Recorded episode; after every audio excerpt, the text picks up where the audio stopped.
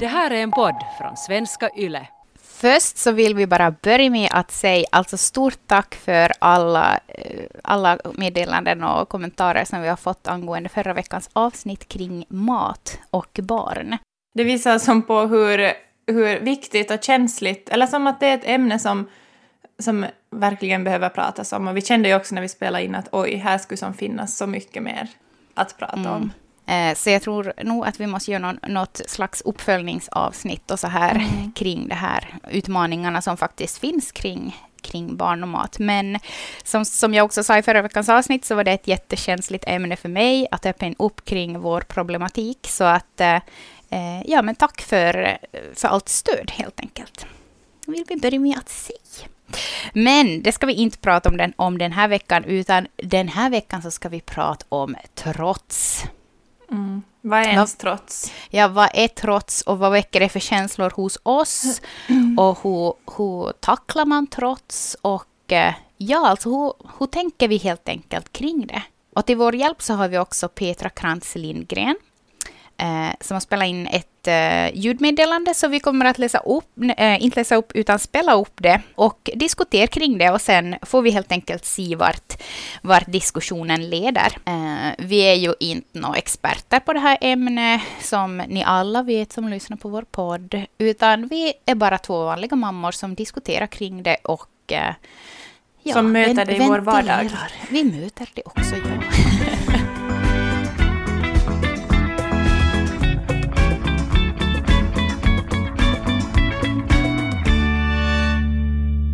Hur tycker du att det har gått nu sen du blev trebarnsmamma? Med din linje kring hur du tänker kring trots och sen hur du tacklar dig i praktiken? Nå, alltså, det, det, är så svårt för det känns som att det är så många olika komponenter som vet du, har kommit in under det senaste året. Ena är som att har, man har varit så mycket hemma mm. och bara som familjen, så det är ju som en sak. Sen att få ett tredje barn eh, och sen också att, att flickorna liksom, de har blivit större och är inne som, och Valle är kanske inte ännu inne i en sån period att han liksom, vad ska man då kalla det, trotsig. Han är som inte inne där ännu.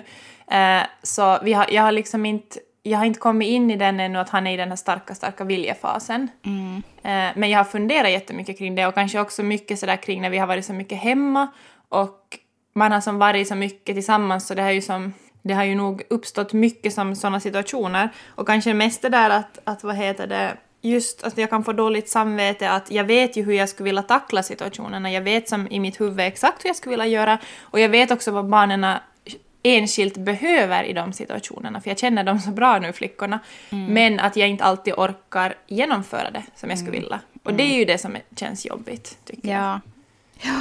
Nej, men jag kan skriva under på allt det där. Jag tycker som att före den här pandemin och så där, så då så hade man man gjorde ändå saker och man, det var liksom förskola eller det var dagis och, och man var bort och man liksom hade fritidsintressen och, och så här med dem. Mm, och då så kanske det ibland, att man kände ibland så här att åh, jag har inte hunnit liksom ge dem tillräckligt med närhet och tillräckligt med egen tid, att det är därför de liksom, liksom reagerar som de gör och så här. Men nu med den här pandemin så är det nästan som att, att det är som för Too mycket. Much. Ja, men typ för mycket liksom, att vi är som på varandra typ. Mm. Eh, och att därför då så blir det som att de inte, de har inte som så mycket tid ifrån varandra, utan de ska bara finna sig i att måste vara med sin syster hela tiden. Och dela med sig också av mamma och pappa så att säga. Ja, alltså jag tycker att jag på något sätt lite glömt bort det där hur det är att inte bara vara hem. Mm. Och så sen att, tycker jag också att det under just vintern så tycker jag att det är mera utmaning kring det. Ja. Speciellt när man är bara hemma för att det Alltså nu kan man ju gå ut såklart, men det är inte alls samma sak som att öppna dörren och... För jag vet att det är ofta lättare i våra situationer om vi har det som... Om det blir sådär mycket bara kollision mellan alla. Att man bara öppnar dörren, nu går vi ut och leker i sandlådan, ena går och gungar, andra är där. Men det känns som att det är, som så, det är så mycket större projekt att ta mm. sig ut. Så då blir det som att uh, vi blir mm. ändå inne och så blir det bara ännu mera Precis. De ska sån kissa först för man vill inte sen riva av alla halare ja. och allting och de måste ta mellis först för att inte sen bara gråta i någon äh, snöhög och sen alla de här lagren av kläder. Ah, men ja. hörni, vi har, vi har ljuset snart i tunneln här, våren är ja. på kommand, så vi drar upp snorren och orkar en stund till. Men alltså jo, trots och ja, i förra veckans avsnitt i slutet så sa jag också att jag har aldrig riktigt tagit för givet att det handlar om trots, utan att eh, alltså, jag vet inte, jag, jag hade kanske inte heller liksom någon åsikt kring vad är trots och liksom så här, det kanske skulle ha varit bra att läsa på lite om det, liksom, så att man skulle ha haft något verktyg. Men jag har alltid på något sätt bara tänkt som att jag tar, jag tar de här stegen som de kommer och sen så mm på något sätt att försöka se vad barnets behov är bakom det här nu så som hon reagerar. Eh, att, att just att har hon behov av mer närhet, har hon behov av mer liksom valmöjligheter, mer ansvar på så vis. Eh, mm. och hellre se det som att, att mitt barn och jag har svårt att samarbeta istället för att mitt barn lyder inte mig. Ja, jag, jag, vad heter det, har också som vuxit, eller jag har vuxit upp med just någon sån här, eller jag känner att jag har fått från mamma liksom en sån här syn på, kanske trots, att jag inte heller, jag visste som inte, jag har mera hört att det kommer trots åldern och det kommer mm. trots åldrar i olika åldrar, men jag har liksom blivit uppvuxen på det sättet att, att barn reagerar alltid utgående ifrån deras behov. Liksom. Ja, Just att, att det är någonting barnet behöver. Men det som jag tycker att kanske sen när jag blev förälder själv så är det också lite jobbigt ibland att jag vet att hon reagerar så här nu på grund av att hon behöver någonting av mig. Men ibland skulle jag bara inte vilja vet, tänka så, utan jag skulle bara vilja kunna tänka att det är trotsåldern och vara lite ja. irriterad på det. Ja. För att det är också lite jobbigt som att jag vet att mycket hänger på hur jag reagerar mot henne. Ja, precis. Ja, nej men alltså, ja, ja, och jag tycker det där är, det är bra att du lyfter den där känslan också av att man ibland inte liksom orkar. Ja, För jag tror att det där är ganska så här skambelagt. Ja. För att jag också har tänkt på det där och liksom mått dåligt över det i perioder då jag bara liksom vet exakt som du säger vad de behöver, men att man bara som liksom inte orkar. Men där har vi också pratat med varandra, liksom att hur viktigt det är att den där andra på något sätt kommer in då man märker att den ena inte orkar.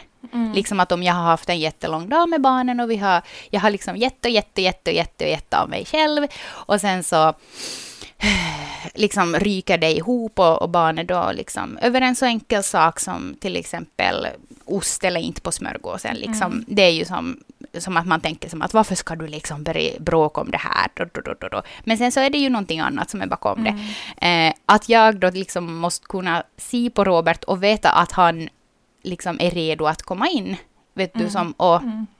och liksom hjälp mig och eh, kanske att jag då säger att jag måste få på WC för att liksom jag orkar bara inte liksom få ner på hennes nivå och typ ge en kram eller mm. då man har vet ja. Ja, men så, ja, men jag känner igen mig för det är samma, jag har ofta, alltså nu när vi är mycket mer som hemma tillsammans när Jim är vårdledig så är det också som att jag har lärt mig att jag kan säga att nu snälla nu, nu känner jag att jag inte kan, kan möta henne var hon behöver mig, att kan du som ta över.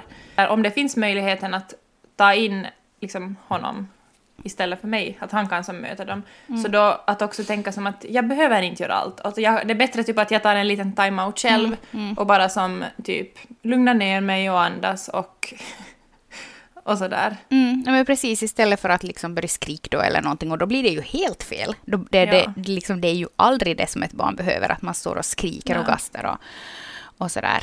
För några månader sedan så hade vi ju med oss Petra Krantz Lindgren i podden. Och eh, hon hade svarat på några frågor av er lyssnare. Och en av frågorna så kom av en mamma som hade en treåring som hon upplevde att hade väldigt mycket trots. Och vi tänkte att vi klipper helt enkelt in Petras svar här, trots att inte ni vet frågan och sådär. Men för att hon hade så jättemycket bra att säga kring just eh, hennes uppfattning kring trots och vad man kan, hur man kan tänka kring det. Så Rebecka kan vi ju som diskutera ja. lite mer sen efteråt.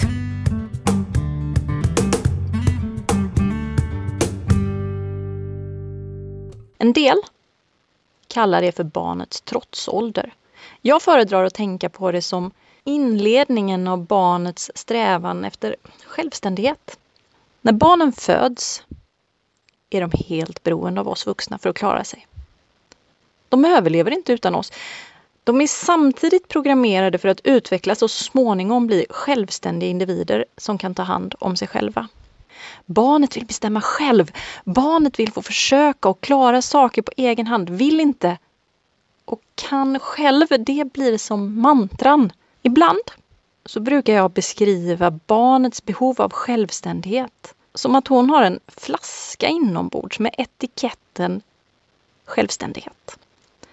Den där flaskan behöver vara fylld åtminstone till hälften för att barnet ska må bra. Och för att samarbetet mellan barn och vuxen ska fungera. Och varje gång vi begär av barnet att hon ska göra något som hon inte vill så är det som att vi häller ut lite ur den där flaskan. Och om nivån sjunker under en kritisk nivå, då börjar barnet må dåligt.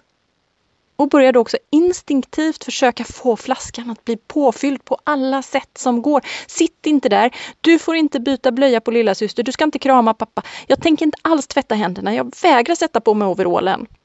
För att fortsätta på metaforen med flaskan så finns det två saker en förälder bör tänka på. För det första, slösa inte på innehållet i flaskan. Ställ inte onödiga krav på barnet.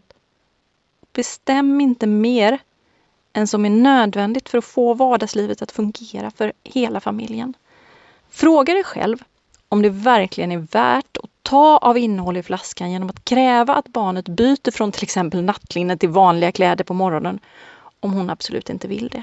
Eller är det kanske smartare att bara packa ner kläderna i en påse och ta med dem till förskolan? För det andra, se till att flaskan alltid är ordentligt påfylld. Det hjälper barnet att må bra och utvecklas till en självständig individ. Och det gör det lättare att använda lite av innehållet då och då. Till exempel att säga åt barnet att, att spänna fast säkerhetsbältet i bilen utan att det orsakar en katastrof. Här är nu fem förslag på hur vi föräldrar kan hjälpa barnet att få påfyllt i självständighetsflaskan. För det första, fråga dig själv vad gör jag för mitt barn som barnet egentligen kan göra själv? Smöra smörgåsen, sätta på skorna, tvätta händerna.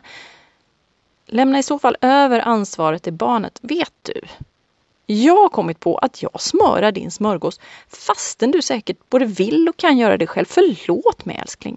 Här är mackan och smöret så du kan fixa själv. Den andra frågan du kan ställa dig den är vad bestämmer jag för mitt barn som barnet egentligen kan bestämma över själv? Vilka kläder hon ska ha? Att hon behöver mössa och vantar när det är kallt ute? Det märker hon säkert själv om du ger henne chansen. Ta med dem i en påse och när hon vill ha dem, Undvik då frestelsen att säga Vad var det jag sa? Fundera för det tredje över hur du uttrycker dig. Ger du uttryck för misstro till ditt barns förmågor. Det gör vi föräldrar till exempel när vi säger sånt som ta det försiktigt, akta, det går inte, det är svårt, det klarar du inte. Låt istället barnet försöka. Om det inte fungerar så kan ni tillsammans beklaga er över sakernas tillstånd någonstans att det där låset är så trögt. För det fjärde, visa tilltro till barnets förmåga genom att ge barnet utmaningar och förtroendefulla uppdrag. Kan du hämta en stor sked i lådan? Når du? Kan du hjälpa mig att öppna dörren? Åh, jag glömde flingorna. Vet du var de finns? Klarar du att hämta dem själv, tror du?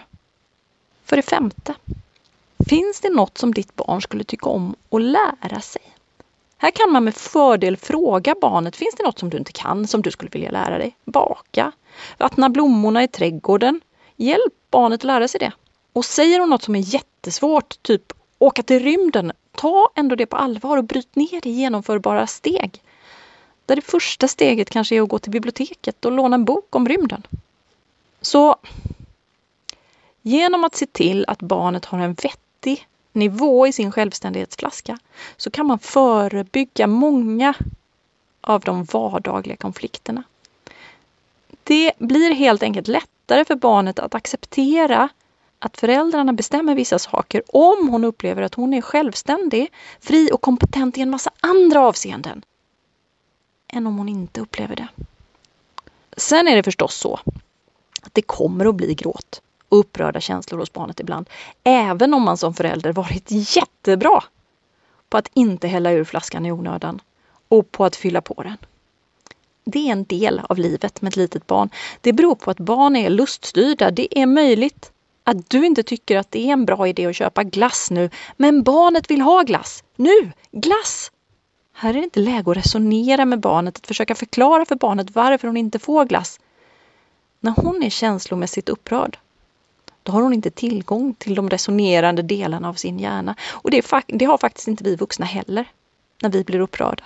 Det är bara det att vi blir inte upprörda över samma saker som våra barn. Det som är stort för barnen är smått för oss och tvärtom.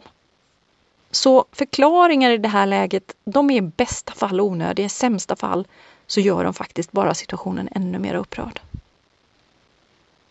Det barnet istället behöver är förståelse. Förståelse för hur gärna hon vill ha glass, förståelse för hur gott det är med glass, förståelse för hur hemskt det känns för henne att hon inte får glass. Du var så himla sugen på glass nu, eller hur? Det är så gott. Jag fattar att du blir ledsen älskling när jag säger att du inte får det. Hon kommer att fortsätta vara ledsen en stund, vilket är helt naturligt när man sörjer något som man inte kan få. Men känslorna de kommer att lägga sig mycket fortare än om den vuxne säger men du kan inte få glass nu. Vi ska ju äta middag snart. Nej, har jag sagt. För barnet så verkar det som att den vuxne inte fattar, inte vill fatta. Och vad gör man när någon inte fattar? Man förklarar mer. I barnets fall så betyder det att hon skriker mer och högre, ha glass! Och den vuxne svarar inte sällan med att bli ännu tydligare vilket för barnet låter förvillande likt ilska. Det blir ingen glass, har jag sagt. Och så fortsätter det och konflikten trappas upp istället för ner.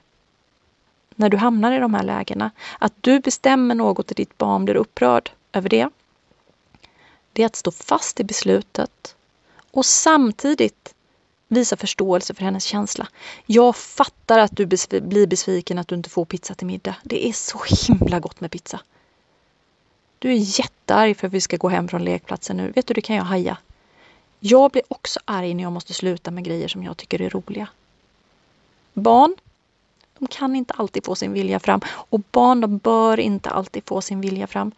Mitt råd är att vi ändå alltid försöker låta barnen få sin känsla fram.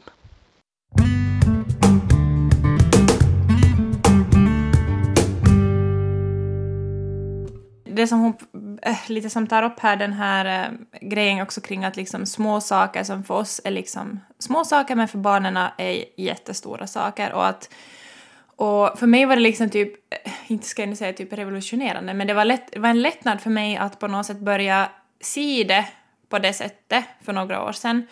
Att, att liksom hennes saker som jag tycker att är små är jättestora och viktiga för dem i stunden. Och att också eh, de gångerna jag tycker att jag som lyckas mer och mer med det just att bara som bekräfta, just sådär som hon sa med glassen till exempel då, att, att istället då bekräfta att jag förstår att du vill ha en, att, att, att du känner dig sugen och du skulle vilja ha just nu. Eh, och det jag brukar märka är liksom att fast de fortsätter och är jätteledsna och reagerar så går det så mycket snabbare om om jag bekräftar dem och sen kan jag bara typ låta henne få ligga i sin säng och sörja det en liten stund. Och sen kan hon på något sätt släppa det. Ja. Mycket lättare än om jag har blivit sådär du förstår väl att du inte kan äta en glass för att bla bla bla bla bla Ja, uh, precis. Ja. Då på något sätt hoppar man ju också liksom på, på själva liksom personen. Jag vet inte, fast det mm. bara är så enkelt som att, det, att hon är besviken. Mm, och det är kanske det som vi har en diskussion ganska ofta med, med Jim här hemma också om att, att på något sätt peppa vad heter det, eftersom att jag har läst kanske mera kring det här, att också peppa varandra liksom i att våga möta den där känslan. Liksom mm. att, att, att hon går inte sönder av att vara ledsen. Mm, eller han. Mm. Eh, och att på något sätt våga vara trygg i att det är okej okay att du är ledsen. Mm, jag blir inte orolig, jag blir inte arg på dig Nej. fast du är ledsen. Nej. Nej, just det där. Och jag brukar också bara som ta dem i famnen om de vill det och säga som att, att, att jag tröstar dig, att jag kan dela, min, jag kan dela den här mm. besvikelsen med dig. Att jag tycker också att det skulle vara jättegott med glass. Mm. Men att vi får liksom ta det senare eller sådär. Just att faktiskt, som du säger, att inte bli arg på dem för att de har en känsla.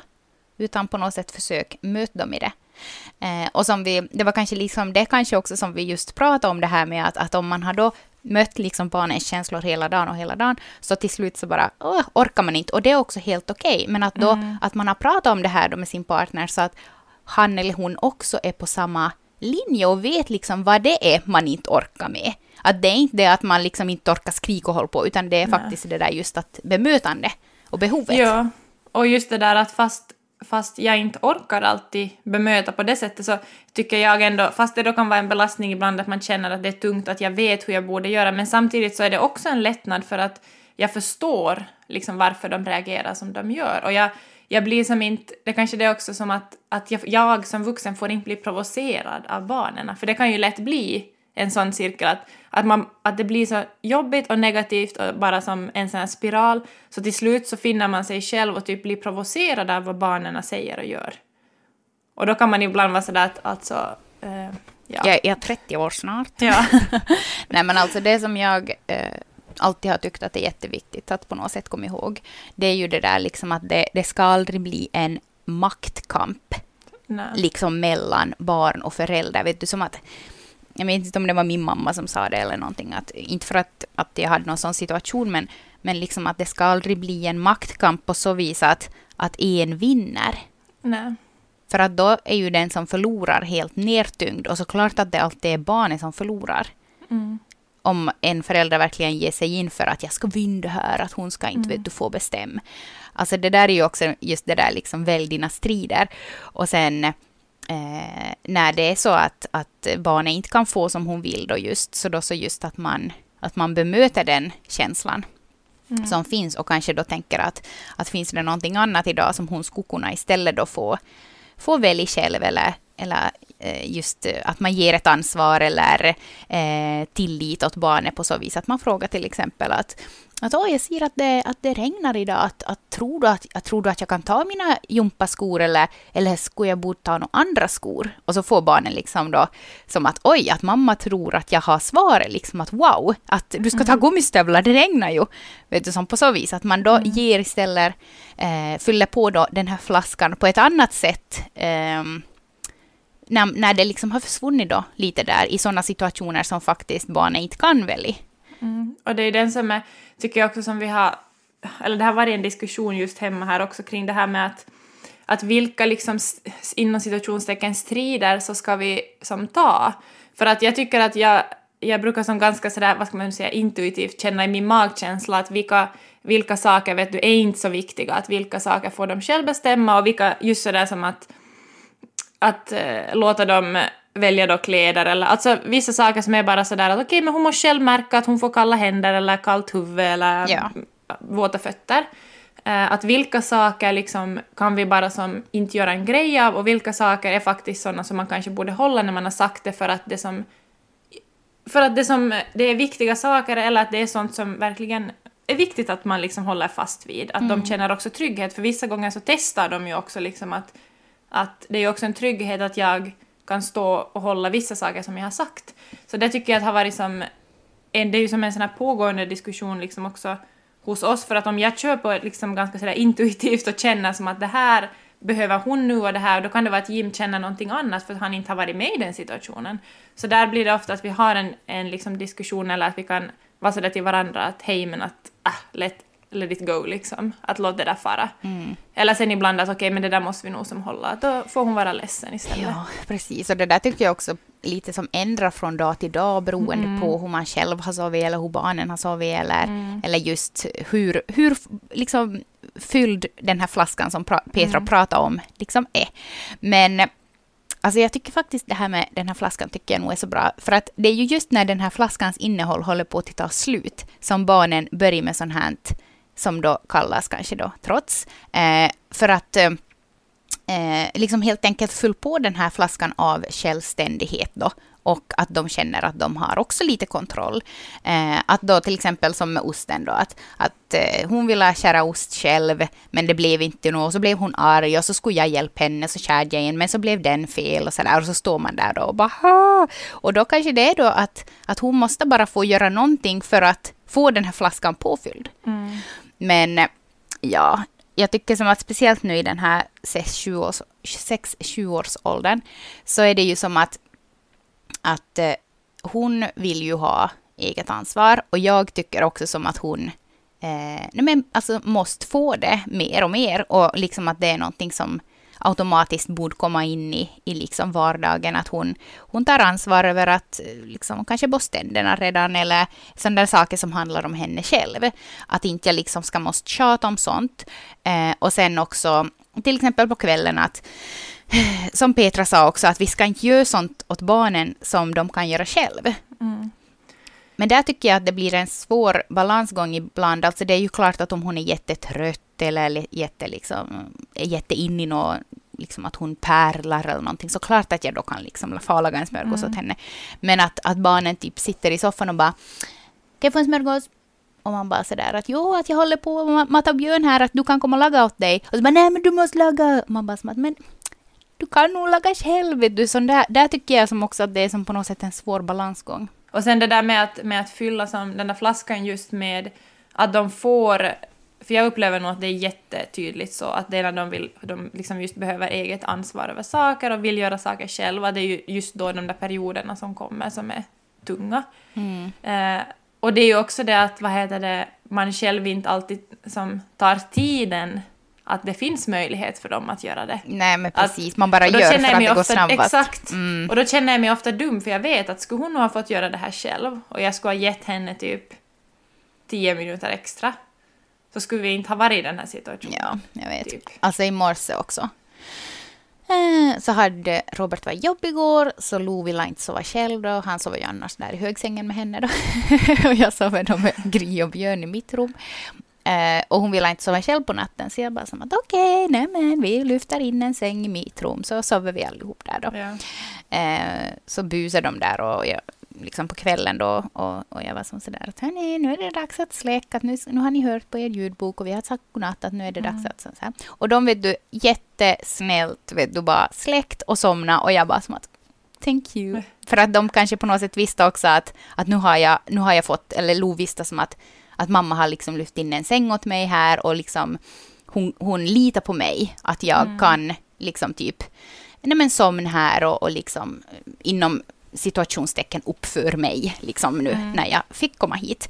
Um, men sen på morgonen då så var det ju lite spännande att vakna allihop i samma rum och, och så här. Och, så att själva det där att stiga upp tog lite extra länge. Eh, och sen så ser jag tillbaks på vår morgon och är som så här att varför gav jag inte dem valmöjligheter. Istället så stod mm. jag där bara och sa åt dem, far på vässan, klä på er, vet du som någon mm. jäkla militärtant. Och alltså, åh, jag blir så frustrerad på mig själv då jag inte bara kan... Men det är ju det där, vet du, i stunden mm. så står man där då, vet du, bara håller på med sitt skit. Och, och, i stunden så känns det kanske som att det är den lättaste vägen för att just där och då så så är det ju liksom den kortaste, men oftast är det ju inte den kortaste vägen Nej, på lång sikt. Det, det är inte den långsiktigaste vägen, utan istället så måste man ju bara på något sätt... Alltså, ja, återkom till det här med samarbete och att ge mm. barnen kanske två valmöjligheter då det är möjligt. Just liksom, vill du först få kissa eller vill du först klä på dig? Mm. Uh, och sen, ja, försök på något sätt uh, komma bort från det där vet du, att de ska som lyd.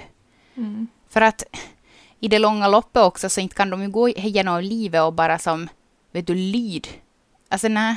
Nej, det är det som jag ofta påminner också när vi pratar om det med Jim, som så att vi, vi vill ju ha självständiga, vi vill ju uppfostra självständiga starka människor. Ja. Och då behöver de få göra själv och de behöver få göra misstag utan att vi blir arga. Och de behöver få liksom våga prova på nytt, liksom bara med, med glädje prova och lära sig. Mm. Och inte liksom, ja, och det, om de ska bli liksom självständiga och klara sig själv så måste de få prova och öva. Mm. Det finns som inte någon annan, jag ser inte någon annan väg till det liksom. Ja, och det tycker jag också liksom att föräldraskapet har på något sätt nog tagit en vändning tycker jag, liksom just kring uppfostran och så här, att förr i världen så var det som att, att barnen skulle lyda och de skulle, liksom att, att mamman och pappan var de här liksom som hade makten och, och de här auktoritära, det var ett auktoritärt föräldraskap mm. och så här. Men det kanske också liksom hängde ihop med att förr i världen så var det liksom att, att eh, nej, typ på arbetsplatsen så skulle man mm sin chef. Man skulle vet du, göra som man blev tillsagd. Och i fabriksarbeten så skulle man liksom jobba efter klockan och man skulle göra det här prick då. Och liksom det var väldigt så här. Men nu för tiden så typ i sån här eh, arbets eh, eh, vad heter det nu då? Alltså när folk, när företag helt enkelt söker folk som vill komma och jobba hos mm. dem. Inte det är ju då liksom att du ska vara lydig, du ska mm. göra prick som vi säger, utan det är ju just det här liksom, du ska kunna jobba självständigt, mm. du ska vara ta kreativ. vara kreativ, ta egna initiativ. eh, liksom jobba bra i grupp och kunna anpassa dig liksom till gruppen och, och så här, inte bara liksom sitta och vara tyst och liksom lydblint.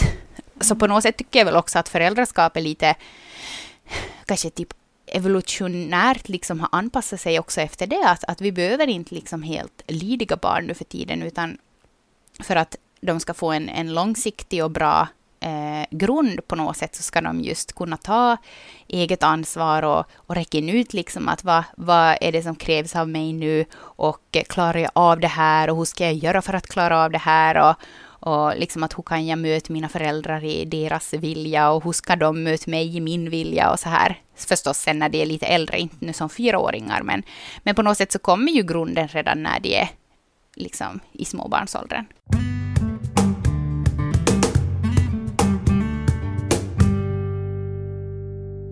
Men hur ska vi summera det här nu då? Jag tycker att det är viktigt att komma ihåg, komma ihåg, nej men på något sätt ta fasta på orden samarbete och lydnad. Att vad är det vi vill ha?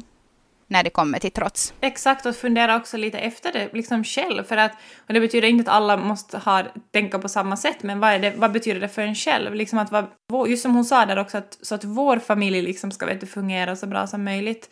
Att, och vad, liksom, vad vill vi? Mm. Hur, hur, vill vi att de här situationerna ska vara? Eller vad, hur är vårt barn? För det är ju också det som är svårt, att, att man kan ju ha, alltså barnen kan vara så otroligt olika. Att den ena kan behöva på ett visst sätt och den andra behöver på ett annat sätt och sådär. Mm. Att, men jag tycker redan det är som en bra, sådär att man börjar lite reflektera kring det. Mm. Precis, att det är inte bara det att barnen försöker jävlas, Nej. utan det finns ett behov där bakom. Och ibland, Fast det är lite painful att inse kanske Det ibland. kan vara väldigt, väldigt painful. Och speciellt när man inte liksom själv orkar tillgodose det här behovet. Ja, Men då är det ju bra om man lever i en parrelation, för man är ju faktiskt två föräldrar. Mm. Och det är inte bara mammans ansvar att mm. möta barnen i vardagen. Jag hoppas att ni har fått med er någonting från veckans avsnitt. Ha det jättebra. Ha det så bra så hörs vi. Hej då! Hej då!